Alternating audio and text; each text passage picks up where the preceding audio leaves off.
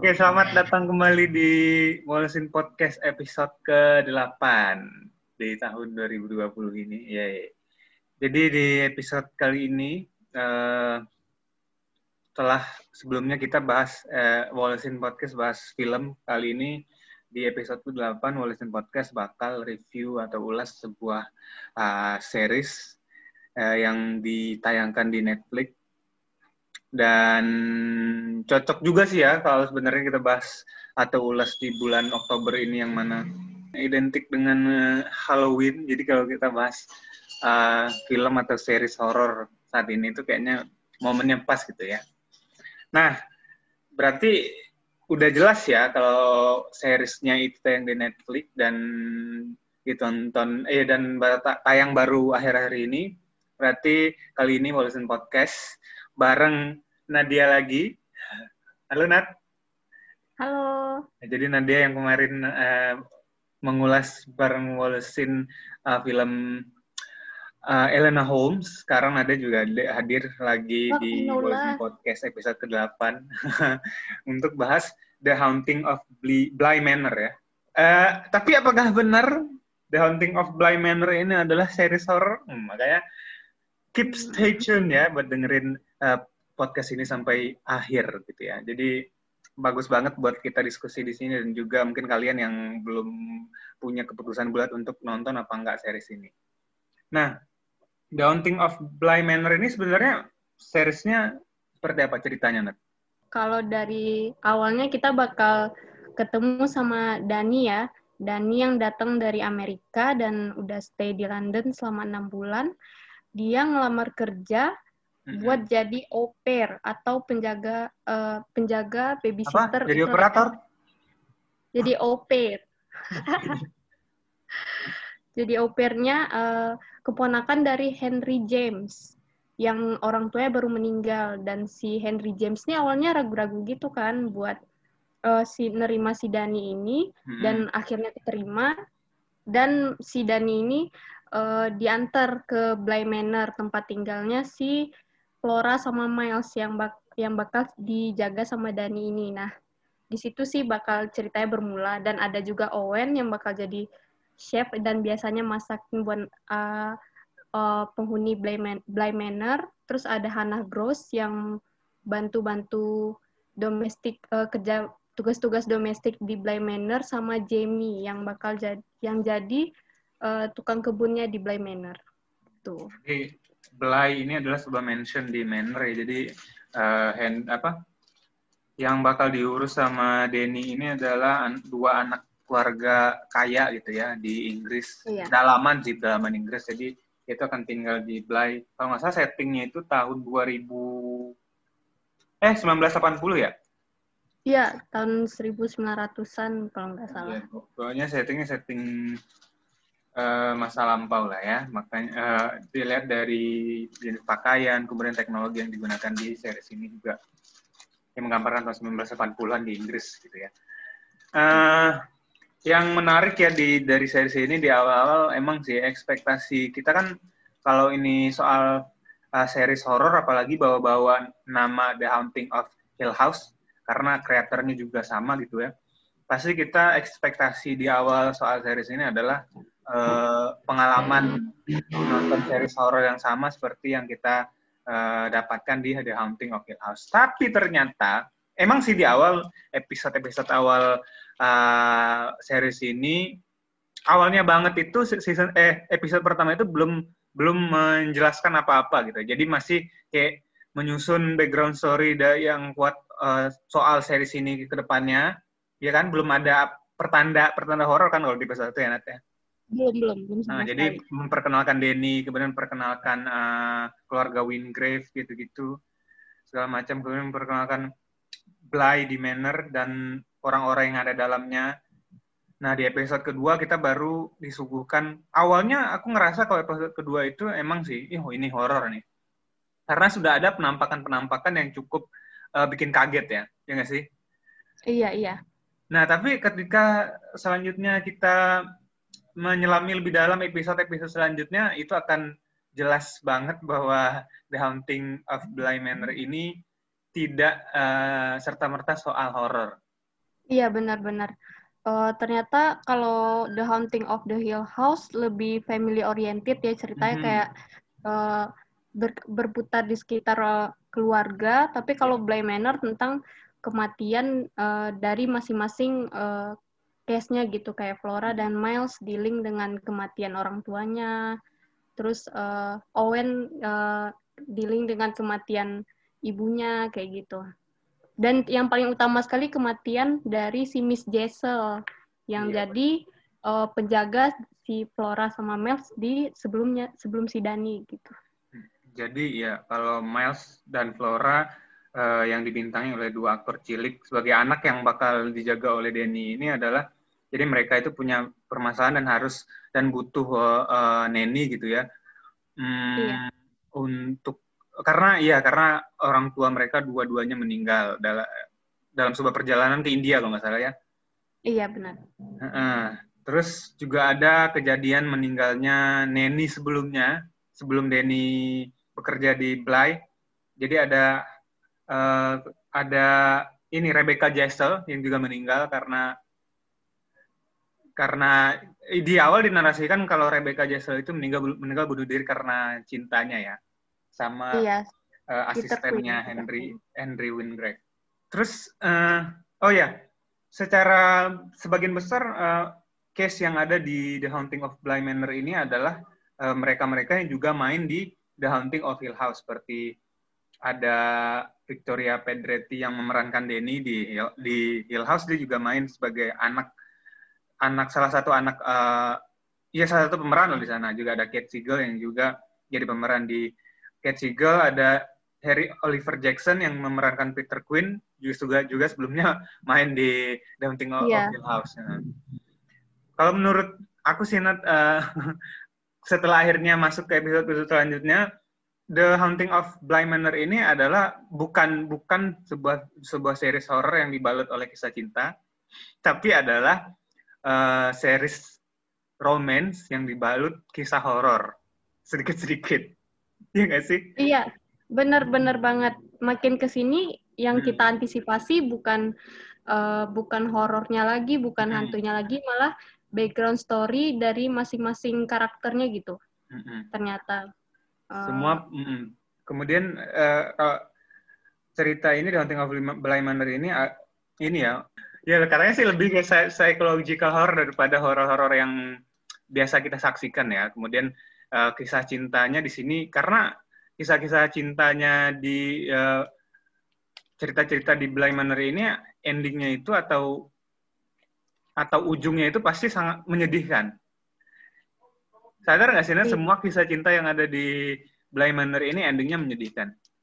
Uh, iya. Kisah cintanya mamanya dan papanya Flora dan juga ada iya. Henry Henry Wingrave di sana endingnya menyedihkan. Akhirnya uh, Henry Wingrave membawa sesuatu juga sepanjang film ini dalam diri dia gitu ya. Iya benar-benar. Kemudian kisah cinta Peter Quinn dan uh, Rebecca juga Jessel ya. Mm -mm, juga sangat miris. Kisah cinta Hannah Gross yang Sama juga Owen.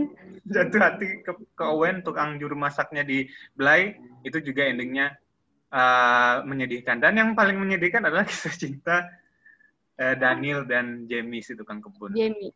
Iya. Uh, apa saya ini kalau menurut aku sih series yang patut diperhitungkan untuk ditonton di bulan di di masa sekarang kalau kalau lagi buka-buka Netflix ya karena uh, ini nggak nggak nggak nggak serta merta menceritain horor yang menakutkan segala macam tapi banyak hal-hal yang hal eh, hal-hal menarik yang bisa kita gali dari sebuah series yang uh, basicnya itu horor gitu dan nggak kayak horor yang lain series hmm. ini juga scene-nya kayak kalau horor yang lain scene siangnya itu kayak cuma beberapa menit gitu. Terus 90% dari uh, film atau series biasanya malam hari, tapi kalau Haunting of Bly Manor, Bly Manor ini mm-hmm. malahan kebanyakan scene-nya tuh di siang hari nggak sih? Yeah. Mm-hmm. Kayak malam hari, scene malam hari dan scene di mana ada hantu atau segala macam itu cuma dikit dan bentar banget biasanya di setiap di tiap episodenya gitu.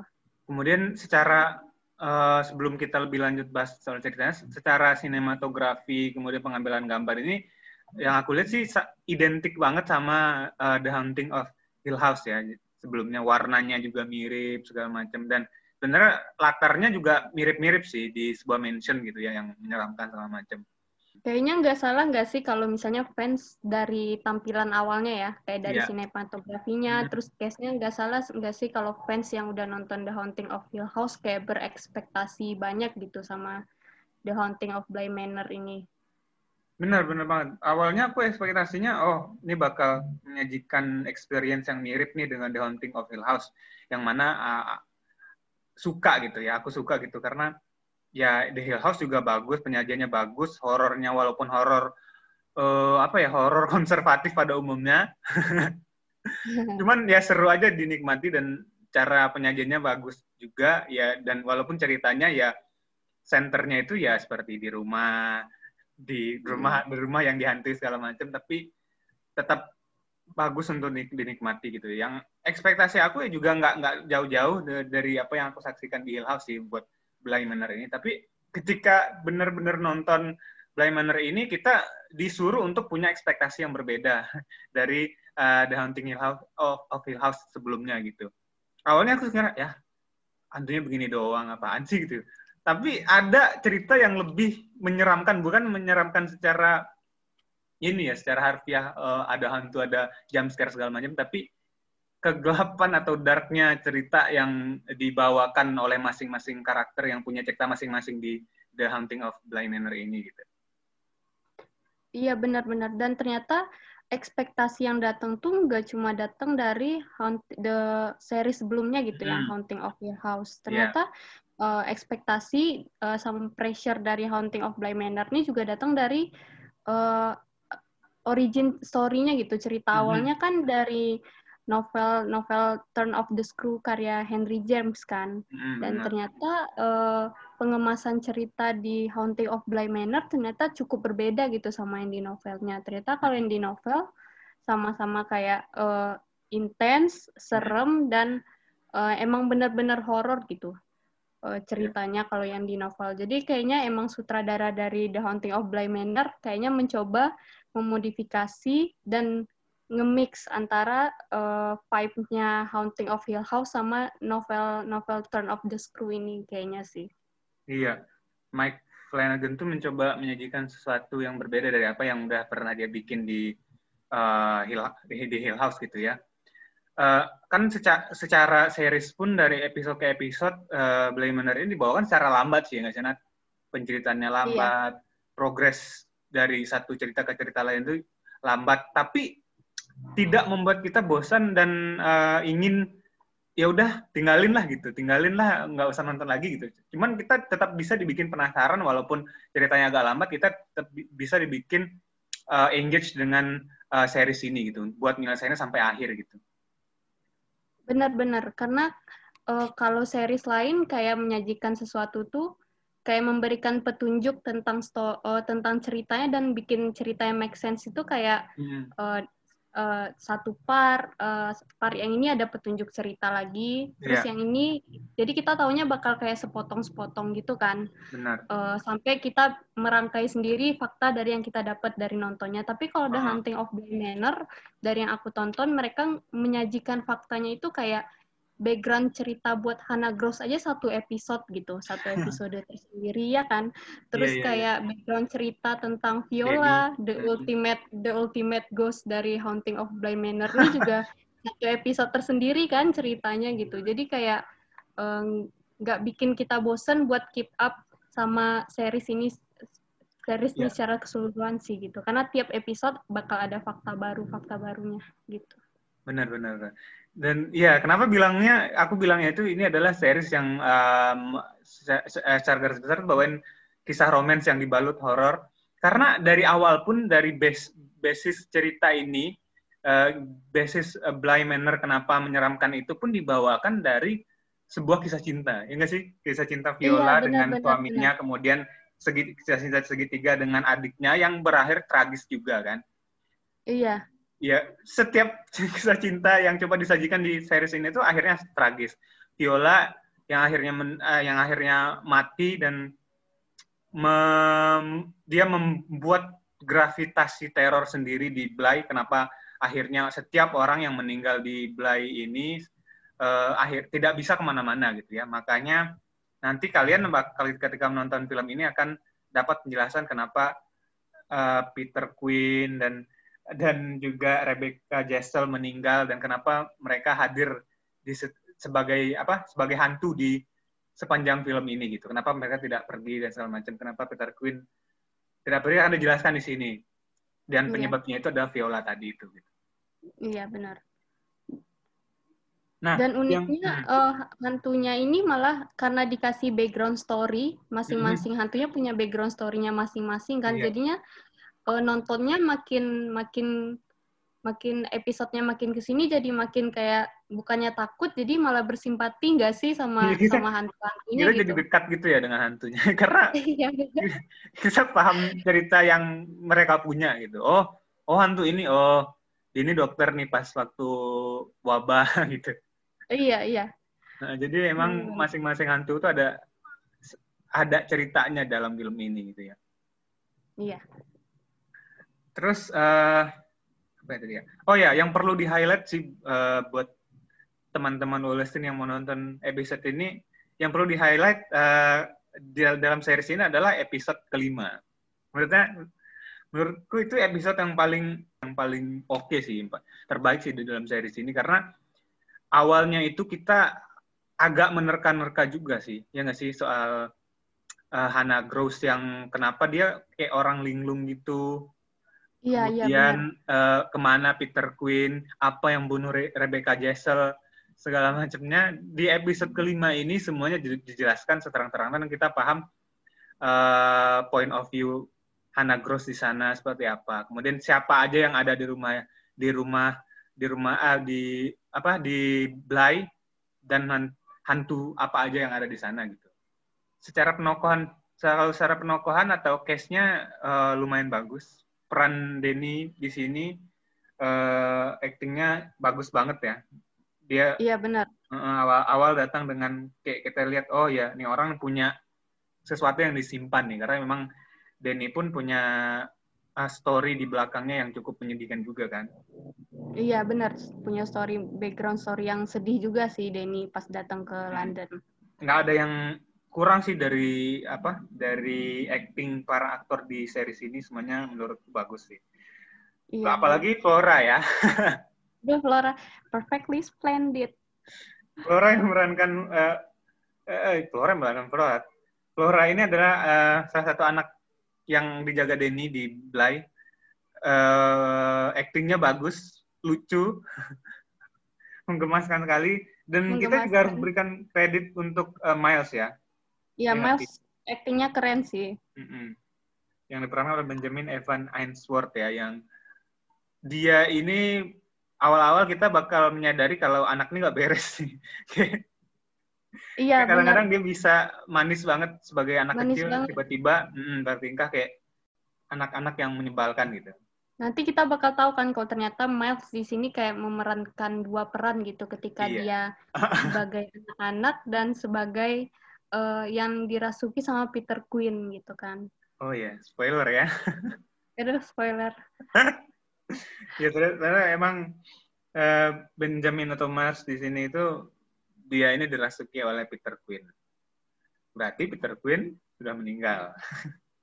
nah, secara hmm. ending, kalau endingnya menurutmu gimana?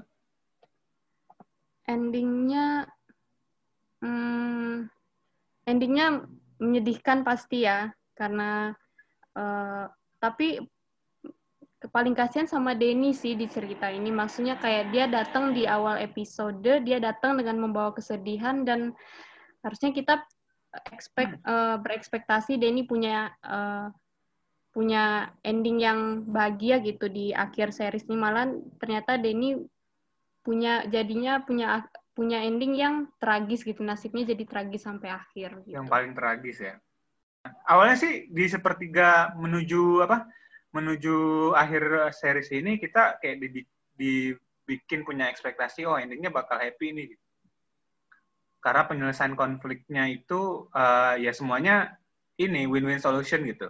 Uh, para anak-anak belai ini atau siapa yang diasuh oleh Denny, Denny mereka selamat dari Viola, Flora selamat dari Viola, ya walaupun uh, Owen juga akhirnya tahu kalau sebenarnya selama ini Hana yang menemani dia di Bla itu ternyata sudah meninggal. Spoiler lagi. Spoiler. Tapi akhirnya kan Owen move on kan dengan dirikan usaha gitu. Iya benar, tapi ya tetap ada foto Hana kan di itu. Iya. Di restorannya Owen. Uh, akhirnya ya uh, ending yang tragis cuman buat Daniel dan Jamie. Iya benar. Cuman yang bikin mikir ya, mm-hmm. pas di pas di krisis di klimaks di episode terakhir itu kan si mm-hmm. Jamie eh si Denny tiba-tiba kepikiran buat bilang it's me, it's you, it's us kan gitu kan. Mm-hmm. Terus uh, sebenarnya dia ngerti nggak sih konsekuensi dari dia ngomong gitu gitu atau kayak tiba-tiba kepikiran kepikiran aja terus gue ngomong ini dah kayak gitu.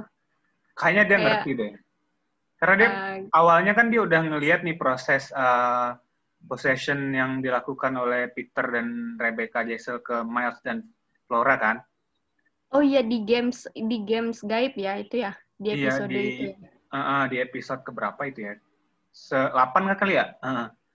Iya iya. Iya ketika Peter dan Rebecca mencoba untuk masuk ke menyatu dengan Miles dan Flora biar mereka bisa selamat segala macam pergi dari Bly Makanya Daniel untuk menyelamatkan Flora ya satu-satunya jalan mungkin yang kepikiran sama dia itu ya cuman menyatu dengan Viola biar biar Danny itu bisa ngerti apa yang dimau Viola segala macam dan bisa menyelamatkan Flora gitu. Oh iya, benar benar benar. Akhirnya emang sih uh, setelah kejadian itu Danny emang uh, apa khawatir kemudian ya seperti ada yang mengganggu dalam dirinya gitu. Karena hmm. akhirnya Viola kan ada dalam tubuh Denny kan. Iya, Viola keras kepala ya. Nggak mau itu. Nggak mau emang. kembali ke Maha Kuasa. Mungkin ini belum dikeburkan secara layak kali ya. Karena tulang belulangnya masih dalam danau di Blay kan. Iya, benar-benar. Jadi jadi ya dia ingin kembali ke tempat asalnya makanya sekalian dibawa Denny kan iya iya emang nih Viola nih ya udah bikin sengsara banyak orang eh pas ditolong masih bikin sengsara lagi gitu ya. menurut gimana Mat? Uh, uh, series ini melihat dari endingnya apakah ada kemungkinan season kedua atau gimana? Menurutku setelah nontonnya sih kayak udah nggak uh, bakal ada season kedua sih karena yang pertama series ini juga seluruh ceritanya juga dinarasikan dari Jamie kan pas mereka kumpul-kumpul pas Flora mau di, satu, di sana ada pasangannya Monica dan Jamie datang di sana dan dia ceritain hmm. ceritain semua cerita yang terjadi di Bly Manor ini kan dan ketika di penghujung series ketika ceritanya berakhir juga ketika Jamie selesai nyeritain ceritanya juga ya udah habis di sana gitu. Kayak uh, kayaknya sih nggak bakal nggak bakal ada season 2-nya sih kalau kita lihat dari ending ceritanya ya. Iya benar. Karena semuanya ceritanya kan dinarasikan sama Jamie gitu. Hmm. kayak udah udah habis di situ kayak gitu. Tapi kalau misalkan mereka pengen nyari duit ya bisa aja sih sebenarnya. Cuman ya nggak bakal menarik lagi sih emang rasanya emang ini adalah season satu series aja udah cukup ya. Iya udah cukup. Kecuali iya. Viola yeah. bersikeras lagi mau ke Bly Manor. Atau bisa jadi spin off-nya mungkin mau menceritakan kisah Viola dan adik-adiknya lebih ini kali ya, lebih lebih panjang gitu. Atau bisa juga uh, ceritanya uh, tentang keluarga di Bly Manor yang sebelum keluarganya Flora sama Miles gitu, keluarga Wingrave. Bisa aja kan? Hmm. dibikin tapi tetap Violanya jadi hantunya gitu kalau hmm. Netflix mau mau bikin lagi ya oh iya benar kalau nggak salah setelah uh, setelah Viola dan adiknya mening dan adiknya meninggal kemudian suami dan anaknya pergi ada keluarga lain yang nggak salah sih ya, ya sih? ada banyak keluarga lain lagi sebelum Wingrave gitu bisa aja sih cuman ya kalau untuk uh, senternya Jamie dan Denny udah sampai di sini aja kisahnya ya. Iya, udah. Karena ini sudah sangat cukup menyedihkan untuk diikuti. Iya, benar-benar. Walaupun seru sih. uh, kalau teman-teman semua ingin menyaksikan sebuah series horror dengan sudut pandang yang berbeda, kayaknya Bly Manor ini wajib buat ditonton ya karena ya kalau mau nyari horror yang intensnya intensnya kuat, banyak jump scare ya emang gak cocok sih sebenarnya buat nonton Bly Manor. Karena Bly yeah. Manor sendiri seperti kita bilang di awal adalah kisah cinta yang dibalut horror ya bukan horror yang dibalut sentuhan romance. Dibalut. Nah, iya. Ngomong-ngomong soal jump scare sebenarnya agak hmm. bingung sih ya. Pas iya. awal-awal yeah. kan uh, enggak sih sampai akhir-akhir juga series ini konsisten sama uh, jump scare suaranya gitu yang bikin bikin shock gitu kan, bikin hmm. kaget gitu kan. Jadi kayak kayak rada bingung sih sebenarnya series ini mau mau menyampaikan horornya. Tujuan series ini ya sampai episode hmm. akhir akhir kayak mau menampilkan horornya atau kayak mau mau menampilkan kisah cintanya gitu. Kayak uh, family story-nya gitu. Kayak kayak si sutradara kayak terlihat bingung gitu ke dengan jump scare yang konsisten gitu sih. Kayak ketika jump scare tetap ada berarti kita bakal tetap expect ini bakal ngeri kan gitu kan padahal makin ke sini plotnya makin makin drama begitu bukan bukan makin horor gitu sih. Iya sih ada jump scare beberapa cuman kan ya tadi karena nggak nggak terlalu banyak gitu ya. Dan nggak yeah. intens tadi berarti emang ya itu cuman sekedar bumbu doang kali. Karena memang kan basic ceritanya itu dibawa dibawain uh, soal kisah supranatural juga kan di di mention Bly ini makanya eh, nggak uh, mungkin nggak sama sekali bawa-bawa uh, sense of horornya gitu. Tapi uh-huh. memang uh, sutradaranya lebih mengambil sudut pandang soal kisah cinta yang tragis sepanjang series. Cuman ya ada dikit-dikit atau ada ornamen-ornamen horornya lah sepanjang series ini. Nah jadi emang recommended banget ya buat teman-teman untuk menonton The Haunting of Bly Manor apalagi yang udah pernah nonton The Haunting of Hill House uh, karena ini warnanya warnanya atau sentuhannya itu masih agak mirip-mirip gitu ya, cuman ada perbedaan sudut pandang dan cerita dan nggak sama sekali berhubungan gitu. Iya benar. Sama sekali nggak berhubungan. Gitu. Nah dari Nadia berapa rating untuk The Haunting of Bly Manor? Uh, mm, delapan ya kayaknya ya. Iya. Soalnya uh, uh, kesan yang di yang diberikan yang diberikan setelah nonton ini bagus gitu kayak kayaknya hmm. kalau nonton buat nonton sekali lagi kayaknya oke okay, yuk gitu. Iya benar benar. Dari segi plotnya, actingnya, sinematografinya, terus penyelesaian endingnya juga 8 sih kayaknya. Benar benar. Dari uh, aku juga 8. Alasannya sama seperti Nadia. Dan ini bagus juga buat orang-orang yang kayak uh, ragu buat nonton karena emang nggak suka horor ya sama sekali. Mungkin takut dengan jam jam scare yang biasanya disaksikan di film-film atau series horror sebelumnya. Playmaner ini dijamin cukup mild lah ya. Iya, rekomend direkomendasikan buat yang baru pertama kali nonton series horor.